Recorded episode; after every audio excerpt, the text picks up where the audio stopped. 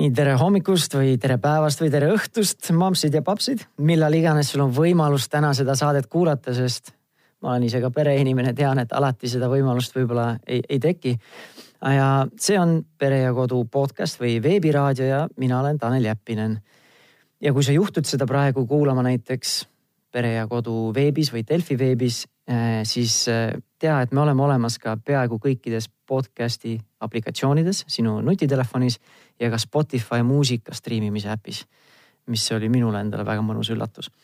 ja, ja kui üldse need teemad, millest me räägime siin saadetes, kõnetavad, siis äh, jälgi ka Pere ja Kodu veebilehte, kus tulevad, äh, tuleb rohkem nii-öelda artikleid sarnastel teemadel välja, kui sagedamini, kui me seda äh, saadet eetrisse laseme. ja, ja Pere ja Kodu Facebooki lehel saab ka suhelda teiste vanematega või ka siis ka toimetusega, et nendega ühenduses olla aga lähme siis tänase teema juurde, mis on selline hästi intrigeeriv, enamus vanematele Äh, võib-olla kõige rohkem just noorematele vanematele, aga ma ütleks, et kõigile. ja, ja me räägime täna just unest, unevajadusest, magamisest ja nii edasi. et ma tunnen, et äh, mingis elufaasis on absoluutne iga lapsevanem selle teemaga kokku puutunud, et kas siis lapsed emaga piisavalt palju või nad ärkavad üles või nad lähevad hilja magama või mis iganes või on endal suur unevõlg. et see teema nagu on peaaegu kõikidel lapsevanematel mingil hetkel nagu läbi käinud ja ja siis äh, täna meil selleks on kaks stuudiokülalist, sest mina ennast eksperdiks ei loe sellel alal. ja, ja ma olen rohkem olnud äh, selles teemas nagu kannataja rollis, et selle unepuuduse kannataja, kannataja olnud. et täna meil siis kaks asjalikku külalist unekoolist. esiteks Õnne-Liiv Valberg tere. ja siis Merit Lilleleht. tervist.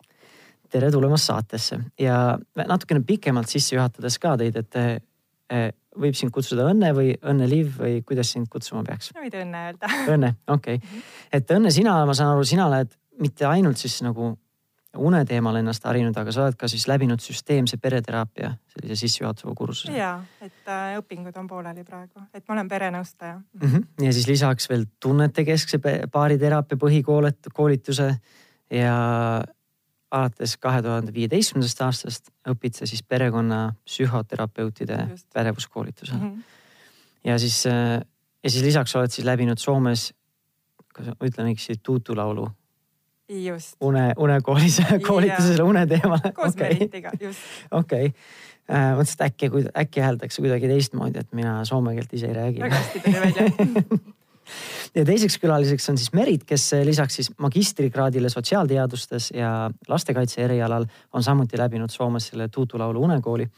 ja sul on vist lapsed natukene nooremad või kui vanad sinu lapsed on? meie pere lapsed on äh, kaheksa-aastane Sandor ja üheksa-aastane Ronja-Mari. kaheksa ja üheksa ja Õnne, sinul on juba äh,? Ander on täisealine juba äh, okay.. Rikard on siis äh, äsja saanud neliteist ja Noora-Liise on üksteist no näed, mina olen täna siis pesamuna, meil on nelja-aastane ja pooleteistaastane varsti.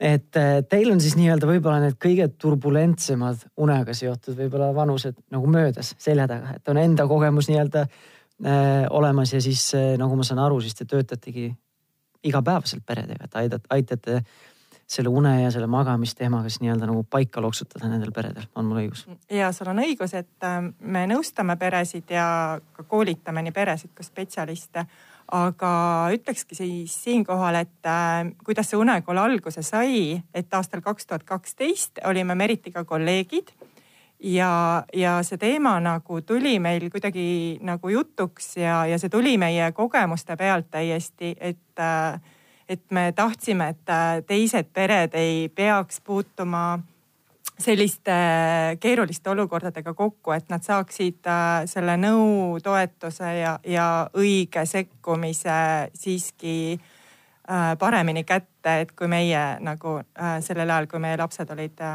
beebid ja, ja väikesed.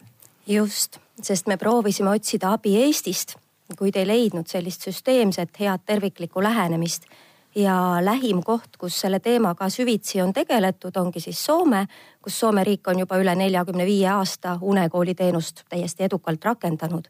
käisime seal õppimas, saime selle metoodika selgeks ja tõime Eestisse mm. -hmm no täna saates ma tegelikult tahaks rääkida mitte ainult siis väikelaste unest, aga ka üldse unevajadusest nii vanematele lastele, aga ka täiskasvanutele. et miks see siis nii-öelda tähtis on, mis need võib-olla tagajärjed on, kui seda und piisavalt ei saa ja kuidas siis seda optimaalset und nii-öelda nagu saavutada või siis kogeda või mis iganes. aga enne ma tahaks võib-olla küsidagi just selle väikelapse osas, et et paljudel lapsevanematel, eriti kui nad nüüd tänapäeval loevad selliseid uudsemaid kirjandust, et ei tahaks nagu last nagu kuskile suruda mingitesse raamidesse ja rutiinidesse, kuidas, mis nagu see metoodika, mis teie, teie rakendate, et on ta selline väga nagu jäik või järsk või siis pigem last arvestav või mm? -hmm. et äh, need, nagu Merit juba mainis, et äh, meie tõime need äh, unekooli meetodid maale nii-öelda siis Soomest.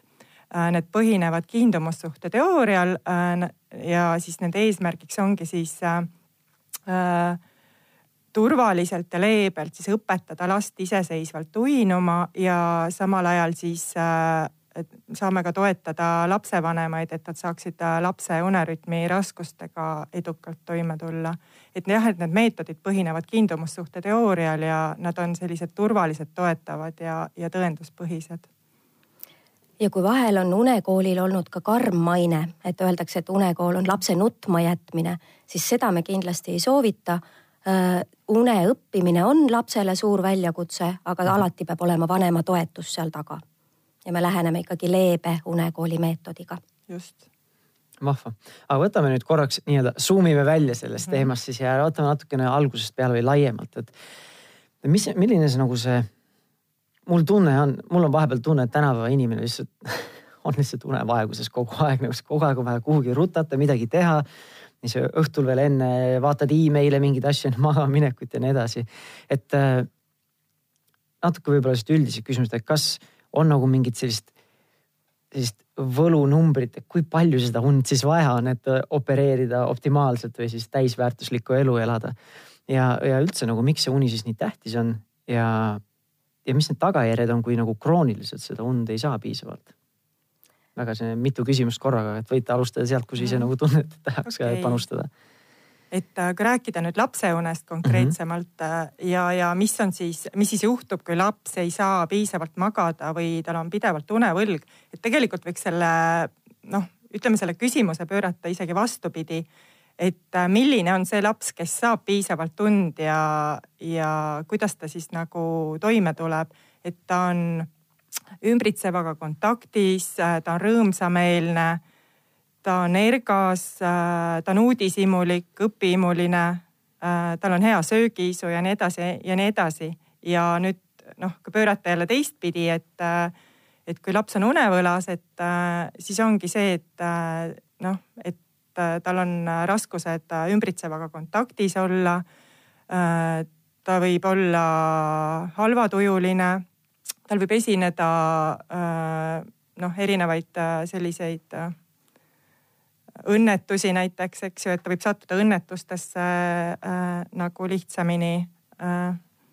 ta ütleme, ta ei suuda omandada võib-olla teadmisi ja uusi oskusi nii hästi. tal võib söögiisu halvem olla mm,. mm. tal võib tulla selliseid aktiiv, mm, aktiivsushäireid, käitumishäireid kohati nagu tundub, sa räägiksid minust meie lapse esimesest elu, eluaastal et eks vist ilmselt nagu need mõjud, need tagajärjed on sarnased täiskasvanutele ka, et ma ise tunnen küll, et ma olen väga kergesti ärritatav näiteks. kui ma olen äh, unetuid öid veetnud. Äh, vahepeal see söögiisu kipub ka nii-öelda kõikuma, mõnikord on liiga suur, teinekord üldse ei ole und on ju, või seda söögiisu mm. -hmm. aga on siis nagu täiskasvanu täiskasvanud inimesel on mingi selline optimaalne unetundide arv ka, mis nagu peaks olema siis täidetud või see on väga individuaalne? Äh, unevajadus on tõepoolest individuaalne ja, ja tänapäeval need normid on läinud palju laiemaks kui varem. kui varem öeldi, et kaheksa tundi und täiskasvanule on nagu see optimaalne, siis tegelikult on need piirid nüüd laiemaks läinud. Äh, seitse kuni üheksa oleks, oleks väga optimaalne ja hea mm. -hmm. laste puhul me räägime pigem, et lasteaiaealistel lastel ligi kümme tundi on paras. mis on siis kolm kuni kuus või vanused või? Jah, lasteaiaealised lapsed kõik. Isegi kolmeaastastel lastel on see unevajadus suurem, on juba kaksteist tundi, aga, aga mm -hmm. iga aastaga see siis väheneb aga koolilapsed kindlasti võiksid selle kümme tundi päevas, ööpäevas saada kätte. jah, algklassi lapsed just. jah mm -hmm et eelkooliealised, kooliealised vähemalt kümme tundi, kui ta on väga noor juba, see on kolmeaastane, siis pigem isegi juba kaksteist tundi. just, jah -hmm. see, see on siis nii-öelda see segamatu jutti magatud uni või siis koos lõunaunega või? see on väiksematel lastel ikka koos lõunaunega, oluline, et ööpäevas saaks selle portsu kätte mm. -hmm. selge ma hakkan kiiresti kalkuleerima, palju meie lapsed und saavad. väga hea, väga nagu... heaks kalkuleerimise abivahendiks on üks meie tabel, mis on meil kodulehel ja mis on meie Facebookis ülevas, üleval. et võib-olla me saame pärast mm -hmm. mingil moel raadiokuulajatele ka seda jagada mm, -hmm. kus saab vaadata, et mis kell laps peaks ärkama ja mis kell ta siis peaks magama minema, et, et see on nagu hea. kui sa, äkki sa julged oma lastega katsetada seda vaata, kuidas tuleb. praegu kohe või mm? -hmm vaatan, mis meil väiksem mees on, väike poiss on meil pooleteistaastane. tema läheb, tema läheb seitsme kolmekümne ajal magama ja ärkab kuue, kuue kolmekümne ajal -hmm. üksteist tundi. enam-vähem nagu läheb sinna normi siis? no enam-vähem, kui üksteist tundi on, kaksteist võiks ka olla. ja vanem läheb meil üheksal magama ja ärkab kaheksa ajal, et saab ka üksteist tundi, et tema on neljane mm. -hmm. no siis peab ikka vahepeal lõunale unele, unele minema. just, lõunauni päästab tihti päeva. aga kas on ma ei tea, kas see on siis nagu aegunud või on siis tegelikult tänapäevane selline äh, teadus ka nagu toetab seda, et, et just see nagu, millal sa magama lähed, eriti just nagu täiskasvanu ka, et see on ka nagu tähtis, et see sügavune faas oleks olemas, et kas on see nii tähtis, et ma lähen nüüd üheksa-kümne ajal magama versus see, et ma lähen kella kaheteist ajal öösel magama? Äh, see on tähtis ja see on oluline sellepärast, et nii nagu meie ööuni äh, käib tsüklitega, on sügavam uni ja on pindmine uni, siis tegelikult meie keha mõjutavad rütmid ka päeval. on mingid teatud hetked päevas, kus meil on uinumine lihtsam tulema. Samamoodi lastel ja täiskasvanutel ka, aga kui me selle hetke magame maha ja proovime ja punnitame siis uinumist näiteks pool tundi hiljem, siis on see päris suur väljakutse. et vanemad tihti räägivad, et laps uinub näiteks kell üheksa väga hästi, aga kui kell üheksa magatakse õige hetk maha, siis läheb vähemalt tund-kaks, ennem kui järgmine õige mm -hmm. hetk tuleb et, et me räägime vanematele sellisest uneakna disainimisest, et iga pere saab nagu oma laste puhul leida selle õige hetke, mis see just on. et, et see ei pruugi olla kell üheksa, aga et see on igal perel nagu hästi individuaalne mingi kellaaeg mm. -hmm. kuidas seda üldse siis mitme lapsega näiteks teha, sest mul näiteks me see pooleteistaastane, tema hakkab juba seitsme poole seitsme nagu ära kukkuma, on näha, et nagu tuigerdab ja kukub sagedamini ja nii edasi, et nagu temal on aeg juba onju aga nüüd see vanem laps, neljane, tema nagu ei taha veel nii vara minna, onju. et, et kas see ongi siis nii-öelda paratamatus, et mul lapsevanemana on siis kella poole seitsmest poole kümneni see kolm tundi nüüd siis tegelen magama panemisega kahekesi kahe lapse peale või siis saab kuidagi neid muud moodi ka neid aknaid siis disainida see sõltub tõesti laste vanusest ja, ja tegelikult me suuname peresid äh, panema päevakava paika nii, et see on kõigil ühel ajal, on see magama minek. kui on väiksemad lapsed, siis tavaliselt nendel päevauni annab nagu selle võimaluse, et ta peab õhtul kauem natukene vastu, aga see sõltub vanuse, vanuse vahest täiesti mm. -hmm. ja näiteks kaksikute puhul ka me soovitame alati panna lapsed ikkagi korraga magama, mitte ükshaaval järjekorras. ja mina olen ise kaksik. ja ma mäletan siiamaani, ema mul siiamaani tuletab meelde, et meil nagu see asi ei töötanud, et, et alati oli see, et üks ärkas varem üles või üks äh, äratas teist üles või ei tahtnud magama jääda ja siis hoidis teist üleval nagu kordamööda võtsime, võtsime lihtsalt teatepulga teineteiselt edasi. just, et kaksikute puhul ongi see, et, äh, et ütleme, et see unerütm võib olla selline sarnane, aga võib-olla ka erinev, aga see sünkroonsuse loomine on hästi oluline tegelikult äh, noh, mis on paras väljakutse peredele mm. -hmm aga noh, see on võimalik ja, ja meie kogemused ka näitavad, et, et ikkagi, kui seda sünkroonsust luua neile, et siis on nagu edukam see magamine neil. on mingeid praktilisi näpunäiteid ka, et kuidas siis seda sünkroonsust luua? et ma tean, et te teete, ongi tasulist koolitust ja nõuandeid annate ka, aga saame siin, saame siin veebiraadios ka natukene rääkida sellest, et kuidas seda sünkroonsust tekitada või kuidas seda akent siis disainida et see oleks nii-öelda mõistusepärane lapsevanema seisukohast ka? Äh, uneakna leidmiseks äh, võibki panna kõigepealt paika ühe sobiva kellaaja, et näiteks pere arvab, et see on näiteks kell üheksa meie peres. kui siis tundub, et kell üheksa laps ei jää magama või magama jäämine võtab kauem kui kolmkümmend minutit, siis me soovitame seda aega tuua viisteist minutit ettepoole, et mitte siis kell üheksa alustada uinumist, vaid juba kaheksa nelikümmend viis või isegi kaheksa kolmkümmend, pigem tuua ettepoole. sest see, mis nagu segab uinumist, on tihti üleväsimuse seisund juba. ja kui siis perele tundub, et see kaheksa kolmkümmend töötab, siis me soovitame jätta see üks kellaaeg igaks õhtuks ühel samal kellaajal teha seda uinumist sest keha on sellega harjunud, me oleme leidnud lapsele sobiva aja ja, ja tegelikult on ka vanemate vaimse tervise seisukohast väga lihtne teha seda igal õhtul ühel ajal mm. -hmm.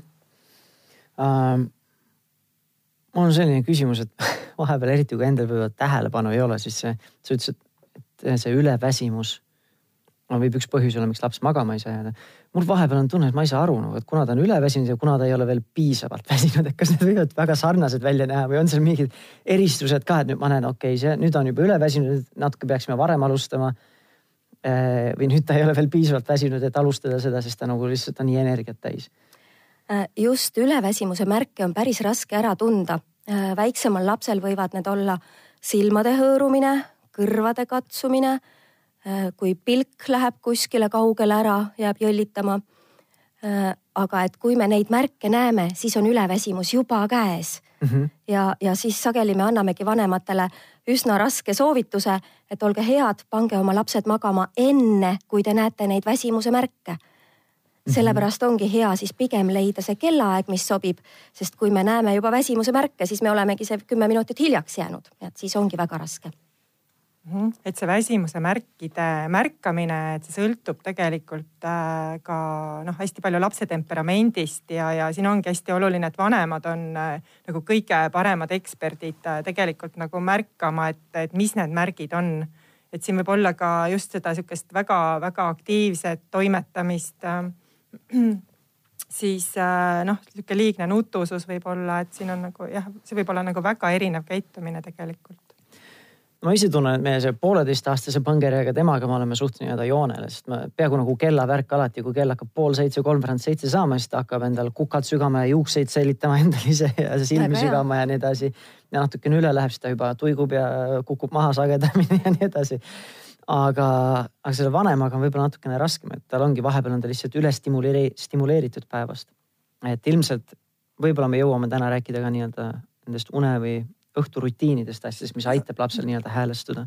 aga ma korraks tahaksin veel tagasi tulla selle teema juurde, mis sa nüüd just välja tõid, ongi see, et alati oleks sama kellaaeg.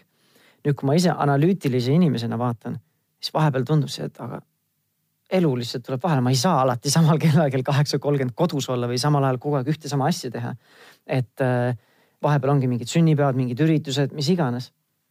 et kas nüüd, kui ma ükskord sadulast maha kukun, et kas see on siis katastroofiline või on see nii-öelda alusetu hirm või selline õigustatud või et kas tõesti nagu, nagu nui nuiaks, et alati peab täpselt samamoodi minuti pealt tegema? ja see on sul väga õige küsimus. Tegelikult me räägime niimoodi, et kui me võtame perega ette unekooli läbiviimise, siis me palume pere, et see võtaks kindlasti aega vähemalt viis ööpäeva ja siis me ütleme küll, et siis on see kellaaeg oluline, sest me õpime kogu perega uut harjumust mm. -hmm aga loomulikult pärast tuleb oma elu peale, tuleb sünnipäevasid, tuleb asju, et, et need ei riku midagi äh, täielikult ära, sest laps on juba saanud kogemuse, ta on juba õppinud seda, et, et see ei riku nagu midagi ära, kui vahe, kui vahel tuleb päris elu ka peale mm. -hmm. sest elul kipub niimoodi olema, et ta vahepeal tuleb see päris elu ka vahele loomulikult et ei pea endale väga palju piiranguid seadma, et, et õnnelik pere on see, kes saab koos toimetada ikkagi ja on rahul, mhm. et, et ei pea endale väga suuri piiranguid panema.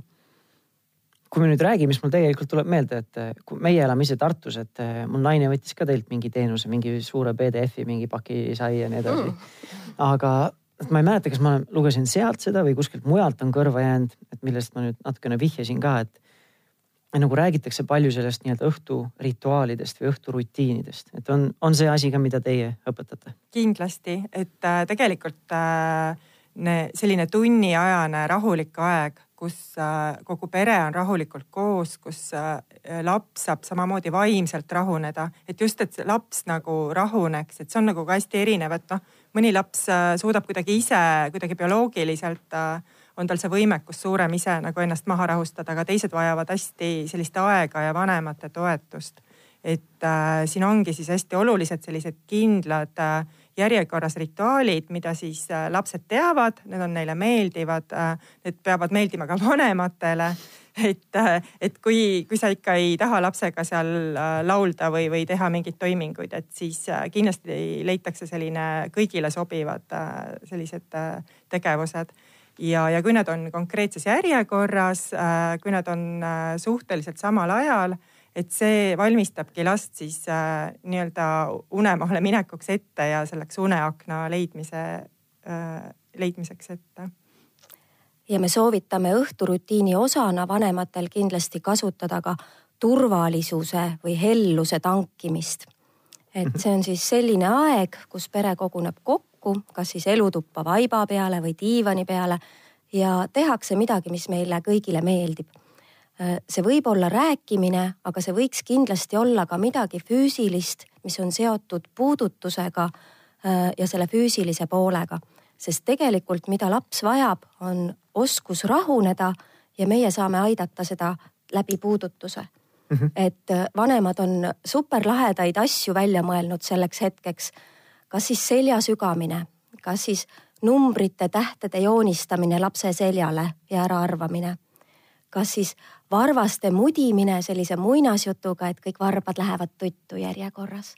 see on -hmm. midagi, mis on Äh, puudutusega seotud ja midagi, mis võiks ka lugu sealjuures olla, et selline rutiini osa on, on lastele ja tegelikult ka vanematele väga sobilik olnud. -hmm. ja samas ka noh, see ei võta selliseid lisaaega ega, ega lisavahendeid, et see on väga lihtne ja, ja selline toimiv viis ja varbad on alati kaasas Just, ka reisil. varbad on kaasas, aga kui jah, räägikski siis natuke nendest äh, praktilistest kogemustest ka siia juurde, et, äh, et mis on meie praktikas äh, noh, sellised äh, teemad, mida me alati küsime, on näiteks õhtune vannitamine.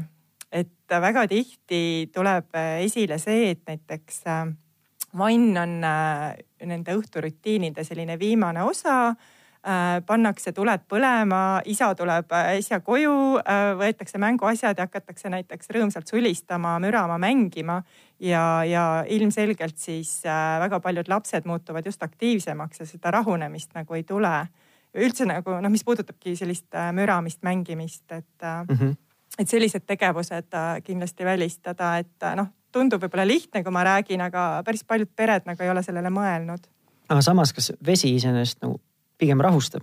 Äh, Või... no see olenebki nüüd hästi-hästi, et kuidas vannitatakse, millal vannitatakse ja, ja kuidas see ikkagi lapsele mõjub, et lapsed on väga erineva temperamendiga, et üldse see temperamendi teema on siin mm -hmm. üks osa, äh, mida peab kindlasti arvestama hmm. Vesi on rahustav siis, kui me vees rahulikult äh, lõõgastume, aga, aga sageli vanemad ütlevad, et nende lapsed küll rahulikult vannis ei ole, vaid seal on kõike muud. eks ikka tuleb ju pritsida ja vaadata, kuidas füüsikaseadused töötavad ja kui kõrgel ma üldse pritsida saan ja okei okay,, see on nagu, me oleme sagedasti ka õhtuti ikkagi enamasti teinud mingit äh, duši all või vannis käimisi, aga kui ma nüüd ise mõtlen, siis see on ikka alati on see, et mänguasjad peavad kaasa olema, muidu ei ole üks õige mängu duši all või vannis käik, et et peab nagu võib-olla mõtlema enda taktikaidki ümber. ja, ja samamoodi, milline valgus äh, on siis, et kas see on nagu selline õhtune sihuke roosakas, punakas valgus või siis on see päevavalgus, et kindlasti soovitakse juba see valgus ka nagu üle vaadata. ja, terav sinine LED äh, oh, et, et just, et päeval päevavalgus ja õhtul siis selline õhtune mahevalgus mm. -hmm aitäh, Õnne, et sa selle valguse teema sisse tõid, et, et tegelikult on hästi oluline ka päeval anda lapsele võimalikult palju päevavalgust ja kui meie kliimas see alati ei ole võimalik, meil on ühtlane hall vahel terve päev, siis äh, julgelt kasutada toavalgustusi äh, päevasel ajal, et vähemalt üks-kaks tundi inimene saaks päevavalgust ka. see annab nagu võimaluse öösel melatoniinil paremini tekkida ja, ja see toob parema ööune mm. -hmm. ja mm -hmm. ööune puhul tihti vanemad jätavad lambi ikkagi põlema, noh et äkki ta kardab või, või, või äkki, äkki midagi on, aga parem uni on, mida pimedam ruum, seda parem uni. samuti pimedas ruumis tegelikult lapsel ei teki hirme nii palju, sest seal ei ole varje ja varjusid mm.. et me soovitame väga pimedat tuba ikkagi magamiseks, eriti, eriti väga väikeste laste puhul, kellel, kellel veel ei olegi nagu seda hirmutunnet tekkinud ja ma lapsevanemana nõustun sellega, aga minu nelja-aastane ei nõustunud, pooleteistaastaselt temal on suva noh. aga millegipärast see nelja-aastane nagu nõuab alati, et see soolalamp põleks nagu, sest ta ei, muidu ei näe ta ei näe siis, magama jääda. jaa, aga et siis tasub täitsa temaga rääkida, et, et võimalik, et tal on mingid hirmud mm, -hmm. sest lasteaialastel tulevad öised hirmud ka ja need on tegelikult väga reaalsed ja nendega tuleb tegeleda ka mm. -hmm. aga need, mis me praegu rääkisime, tegelikult ma tahaks, enne kui me edasi liigume, et on teil veel mingeid näiteid, et eh, milli-, mis, mis elemendid on äh, need pered, kellega te töötanud olete mis elemendid nemad on oma õhturutiinidesse pannud, et mis võib hästi töötada või mis on hästi töötanud, mis te olete näinud?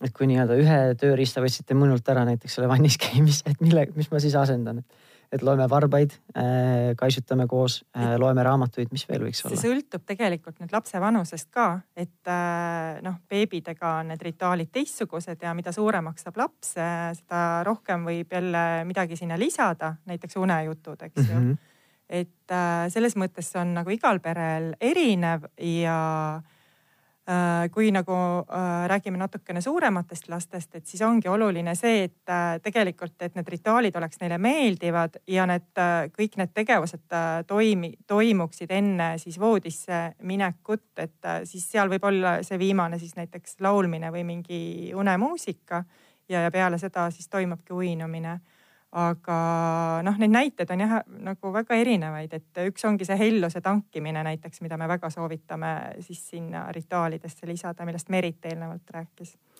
ja väga hea abivahend on ka kaisukas, kaisuloom, kaisunukk, kuidas keegi musilapp mm, -hmm. kuidas keegi nimetab. et selle võib anda juba vastsündinule, aga pigem lapsed kiinduvad sellesse umbes esimesel eluaastal, mitte varem. Kui on esimene eluaasta täis juba aga kaisulapp või musilapp või mu, kaisukas võib olla ka täitsa kooliealistel lastel. et, et see annab turvalisust, see annab selle seose uinumisega ja see annab lapsele ka suurema julguse iseseisvalt uinuda, et mitte siis vanema abiga. Et kaisukas on ka üks väga hea. see on nagu huvitav, et ma ise, me oleme millegipärast ise teadlikult sellest just nagu hoidunud, et ma nagu ei taha tekitada olukorda, nüüd me kuskile sõitsime välja, nüüd see ununes maha ja siis on sihukene draama, et äh, lihtsalt ei saagi, keegi ei saa magada öösel nagu. et kas see mingisse objekti äh, nii-öelda selline võib-olla liigselt kiindumine, et on see, on seal mingeid muid selliseid võib-olla tagajärgi ka või negatiivseid tagajärgi või varjukülgi või?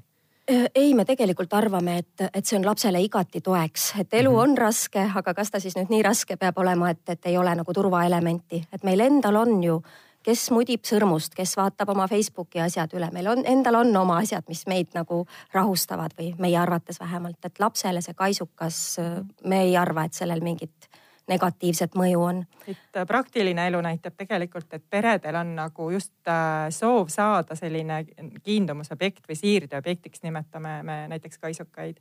et, äh, et lapsel nagu noh, oleks seda vaja, aga, aga nad ei suuda kuidagi leiutada või, või kuidagi nagu kohandada midagi, et siis me anname jah, natukene nõu selles osas ka, et kuidas võiks proovida. et see võib olla tõesti vanemapäeval kantud T-särk, kuhu on sõlm peale seotud või, või natuke vanemate laste puhul kasvõi vanema padi või midagi, kus on see ema või isa lõhn küljes näiteks.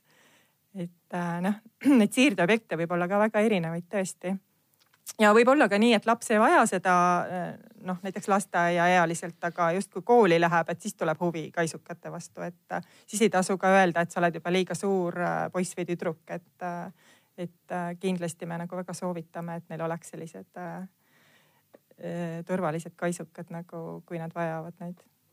Aga sul on õigus, et kaisukatega ei tohi nagu liiale minna, et mõni laps vahel soovib endale kümme erinevat mänguasja voodisse võtta, aga see ei aita uinuda, see tegelikult paneb ta seal mängima ja mõtlema ja, ja see stimuleerib liiga. Mm.. et kaisukas on üks kindel asi, mis on ainult unega seoses. võimalikult igav siis või?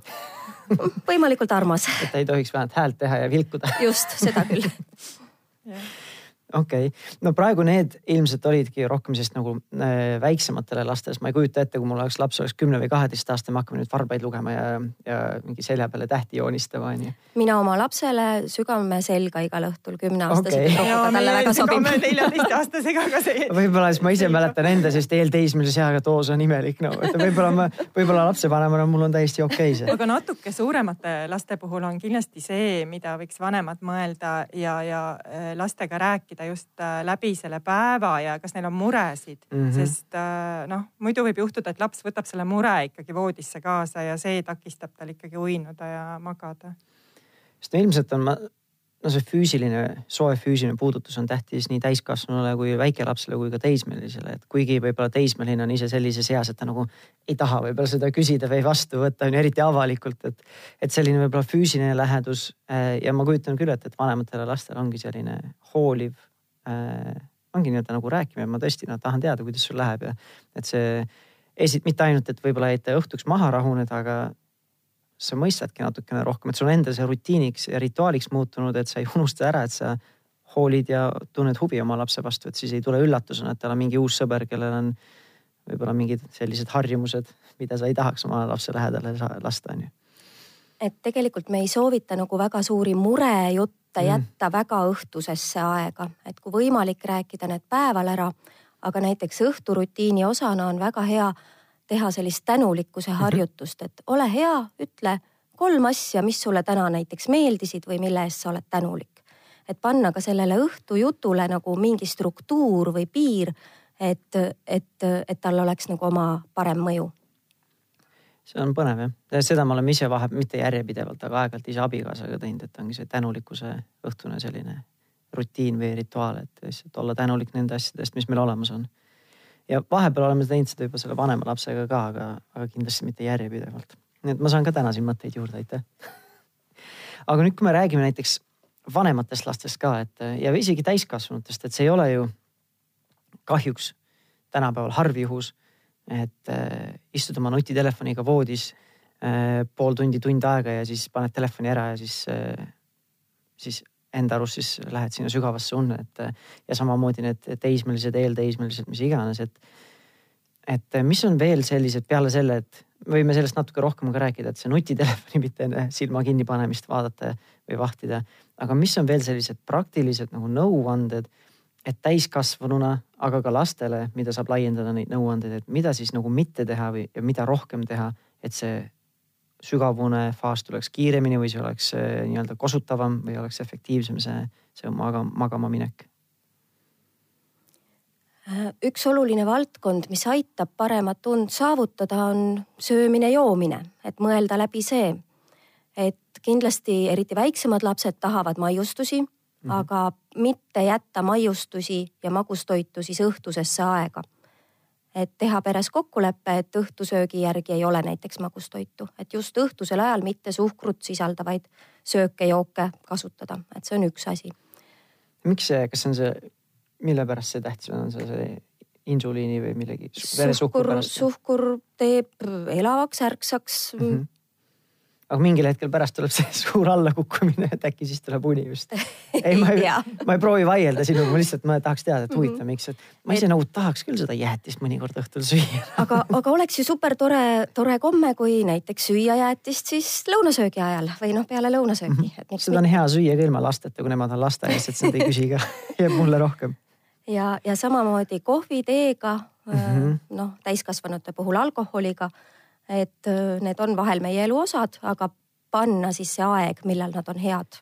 ehk siis enne magamaminekut mitte kohvi mitte juua? mitte enne magamaminekut kohvi juua, teed juua äh, ja, ja, ja, ja mitte siis alkoholi tarbida ennem. no ilmselt keegi espressot enne magaminekut ei joo, aga on seal mingi selline, mis teie olete näinud, on seal mingi ajaline selline nagu aken või siis selline aeg, et ka, et nagu enne mitu tundi enne magaminekut ei oleks hea mõte kohvi juua? no on neid numbreid erinevaid, aga no ligi viis tundi vähemalt enne mitte okay. ei tasu.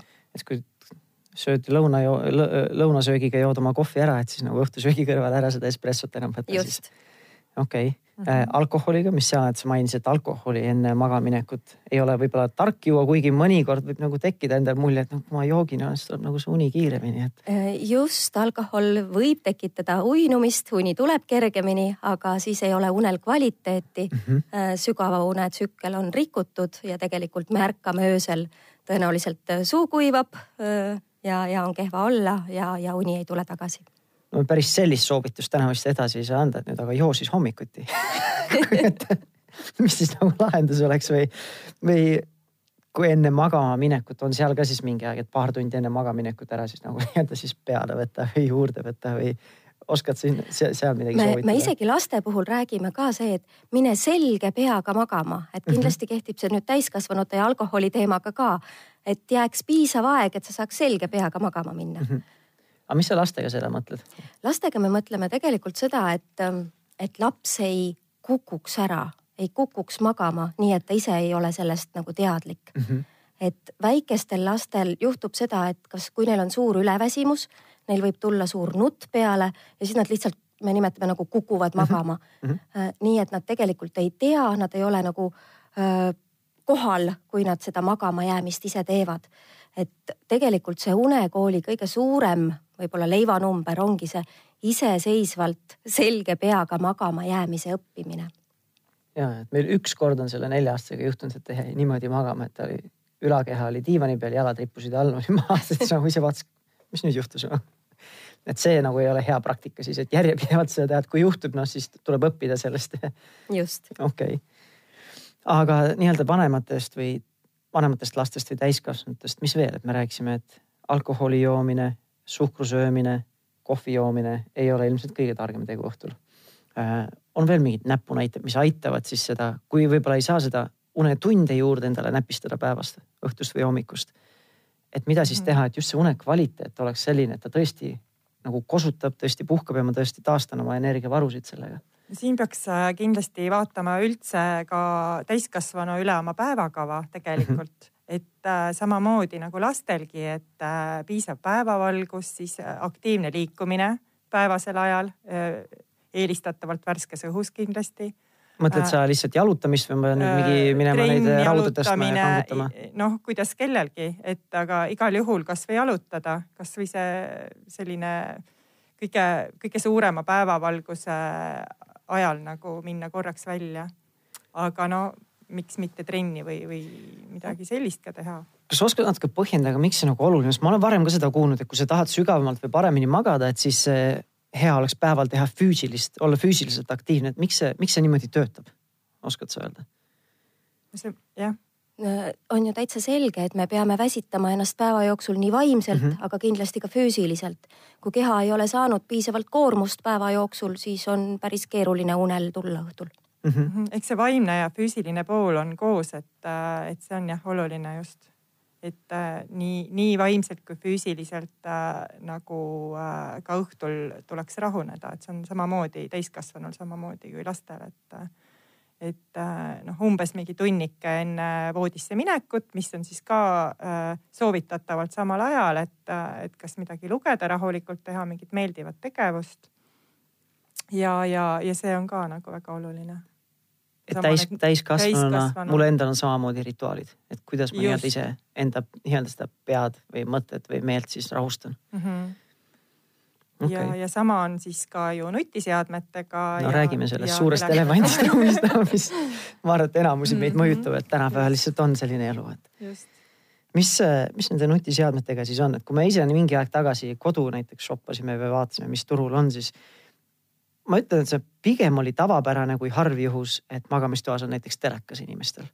Ja, ja enda elu vaadates ka, no isegi nagu ma tean ja olen lugenud selle kohta, siis ikkagi nagu kerge selline nutiseadme sõltuvus, et vaatadki seda enne magaminekut pimedas toas seda telefoni, et kui naine tuleb tuppa mingit telefoni ekraanist, siis et see tuba särab nagu, mis kõik kiirgab sulle silmadesse mingit sinist algust on ju mm -hmm.. et äh, mis nendega siis teha või mis piirid või reeglid seal endale paika panna et see tõesti ei pärsiks sinu seda unekvaliteeti?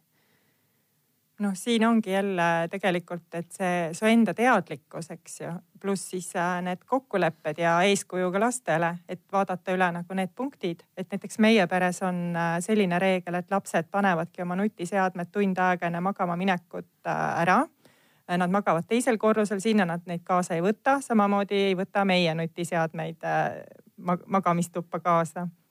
sama on telekaga, sama on siis äh, jah just ja üks hea investeering on ka investeering äratuskella, sest olgem ausad, meil väga paljudel on äratuskellaks telefon -hmm. nutiseade on ju, aga äh, hankida endale päris äratuskell. kuskil oli mingi uurimus ka, et ma ei mäleta, mingi mega suur protsent, kas mingi kaks kolmandikku või kolm neljandikku Ameerika inimestest magavad telefon padja all no et see ei, ei tundunud, et see saaks tervislik olla, kui jätad endale need wifi'd või asjad ka veel sisse, et kiirgab mingeid asju sinna ajusse et ma olen natukene võib-olla paranoiline ise selles suhtes, et me oleme mõlemad naisega paneme alati, kui magama lähme, meil on telefon küll ruumis, aga meil on alati selle lennuki režiimil, et ei saa keegi sisse helistada, segada. ei ole mingeid kiirgusi ega asju. aga ma ikkagi vahepeal olen ise sinna lõksu langenud, ongi, et enne magama minekut vaatad oma mingeid asju telefonist. ma ja ongi, ma ise saan aru, et see ei ole õige asi nagu. et äh, ühest raamatust äh, Sean Stevensoni Sleep Smarter mis ongi nii-öelda maga targemalt, et seda vist eesti keelde ei ole tõlgi, tõlgitud, aga tema ütleb ka, et olekski selline üheksakümne minutine aken, eh, kus ei ole tehnoloogiat, et sa ei, et sa nagu ei ole selle kiirguse, selle valguskiirguse käes nagu. ja õnneks tänapäeval, kui sul on nagu vahepeal on vaja seda tööd teha, siis õnneks on tänapäeval nii telefonidel kui ka arvutitele saad tõmmata mingid äpid, mis selle valguse või selle ekraani teevad just punaseks. et kui sa nagu oled fakti ees, et sa pead seda tegema, et siis vähemalt natukenegi saad ennast säästa. aga ilmselt oleks ideaalne ikkagi endale kehtestada selline võrdlemisi jäik nagu reegel, et ei, ei vahi seda ekraani nagu enne magaminekut. no ma usun, et selle kokkuleppe saab iga pere teha, et magamistoas ei kasuta, et kui sul on vaja teha tööd, siis teed seda teises toas, miks mitte. Mhm. vahel on vaja aga mitte voodis siis. ja, ja me oleme ka oma lastele eeskujuks, et tegelikult see on äh, nagu väga-väga oluline, et, äh, et me ise käitume ka nii, nagu me soovime, et meie lapsed käituksid. Mhm. sada protsenti nõustun. vahepeal lihtsalt, ma vaatan, kas nagu tahtejõudu pähe või midagi, sest et peab, äh, peab nagu neid asju teadlikult nii-öelda läbi mõtlema enda jaoks aga, aga võib-olla selle nutiteema nagu teise külje pealt, et, et ta on küll magamise osas kehva mõjuga, aga vahel aitab ka mõni rakendus teadlikkust tõsta unest ja magamisest. meil on päris mitu head näidet, kuidas noored, teismelised koolinoored on kasutanud mõnda nutirakendust oma une mõõtmiseks mm. -hmm. Nad on teinud seda näiteks nädal aega, kokkulepitud aeg, kui see telefon ongi siis voodi juures yeah aga mis nad sellest saavad, nad saavad oma sisemise motivatsiooni ja teadlikkuse ja, ja siis on neil võimalik teha otsuseid oma elu osas et kui keegi tädi neile seletaks, et peab õigel ajal magama minema ja, ja kõik, siis see vist hästi ei mõju, aga et kui ta suudab ise selle teema endale selgeks teha, näha, milline tema uni on, äh, siis on suurem tõenäosus, et ta suudab ka oma elu mõjutada ja oma otsuseid teha. et mhm. vahel võib sellest nutiseadmest ka kasu olla. ma olen ise ühte sellist äppi ka kasutanud ja mul tekkiski endal väga palju konflikte, sest ongi, ma pidin selle telefoni jätma endale madratsi peale, et ta mingit signaali loeks seal mingi nädal aega. Endal juba imelik, et miks ma seda teen või mida ta luurab seal minu järel, kui ma magan nagu. aga kusjuures on nagu kindlasti häid asju, et mida ma hommikuti teen, ongi, võtan meditatsiooni äpi lahti ja mediteerin kümme-viisteist minutit hommikuti. seda noh, kui ma ei vahi seda ekraani, siis ilmselt võib-olla mingid une nii-öelda meditatsioone ka, mis aitavad kergemini rahustada ilmselt või ei, või ei soovita seda no on ikka, on näiteks äh, lapsevanemad kasutavad valge müra äppe erinevaid mm -hmm. beebide une või, või tegelikult ka suuremate laste une mm -hmm. toetamiseks et äh, võib ikka, aga siis jälgida, et see telefon ei oleks siis liiga lähedal. jah, et mõistlikkuse piires ja ikka nagu konkreetse eesmärgiga, et siis äh, jah, see on nagu selles mõttes oluline mõelda läbi.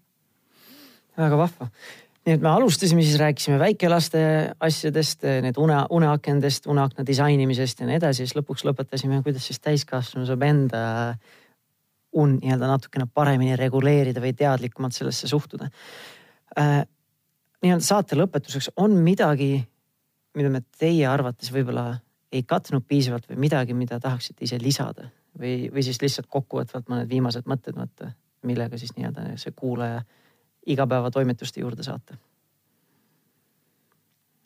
on mingit sellist mõtet või mm,? eks neid mõtteid on jah erinevaid ja kindlasti väga palju jäi rääkimata ja äh, aga võib-olla jah, siis see, see mõte just, et, äh, et lapse une teema on oluline, kuna ta mõjutab kogu pere heaolu. Et, et me teadvustaks endale, et, et kui on nagu probleeme lapse unega või on küsimusi, et siis äh, kindlasti pöörduge mm. -hmm. kui kellelgi nagu hakkas see väga teema paeluma või siis nad ise tunnevadki, et meil on väga suur vajadus praegu kodus, kas siis mingi ongi uneharjumused on halvad või, või siis ei saa lapsest hästi aru, mis tal on, mis tema need vajadused on unega seotud. et kui nad tahaksid nüüd rohkem selle unekooli kohta uurida, kus nad, kus nad teid üles leiavad või kuidas teiega kontakti saada mm? -hmm. et äh, meie koduleht on www.unekool.ee, siis on meil Facebooki kogukond Unekool kus on väga palju liikmeid ja võite meile ka kirjutada info, et unekool.ee. väga hea. tahaksin eh, teid, Merit ja Õnne tänada, et te siia tulite, saite oma kogemusi jagada, oma mõtteid jagada, sest nagu ma alguses ütlesin, ma tunnen, et see on võib-olla kõige vajalikum ja kõige aktuaalsem just väikelaste vanematele, aga ka vanemate laste vanematele väga selline aktuaalne teema, sest me kõik tahame lapsevanematena nii-öelda nii-öelda parimat tööd teha, mis me oskame ja suudame ja, ja paratamatult see une teema on üks, üks nendest tähtsamatest. et aitäh, et tulite oma mõtteid jagama. aitäh. ja sulle ka kuulaja väike kiire häbitu enese, enesereklaam, et kui see, kui see teema kõnetab või üldse need lapsevanema teemad kõnetavad, et siis äh, nagu kui sa oled kuulanud, siis sa tead ka, et ma kutsun sind oma Facebooki grupiga liituma. Äh, positiivne ja rahumeelne vanemlus, kus me räägime nendel teemadel igapäevaselt, iganädalaselt. praeguseks on seal, varsti on juba seal kaks tuhat vanemat äh, koos, kellega saab neid mõtteid ja ideid vahetada. nii et kui see sind huvitab ja sa oled Facebookis olemas, siis äh, kindlasti liitu sina ka. aga suur aitäh kuulamast. loodan, et said täna häid mõtteid, mida enda elus rakendada ja järgmise korrani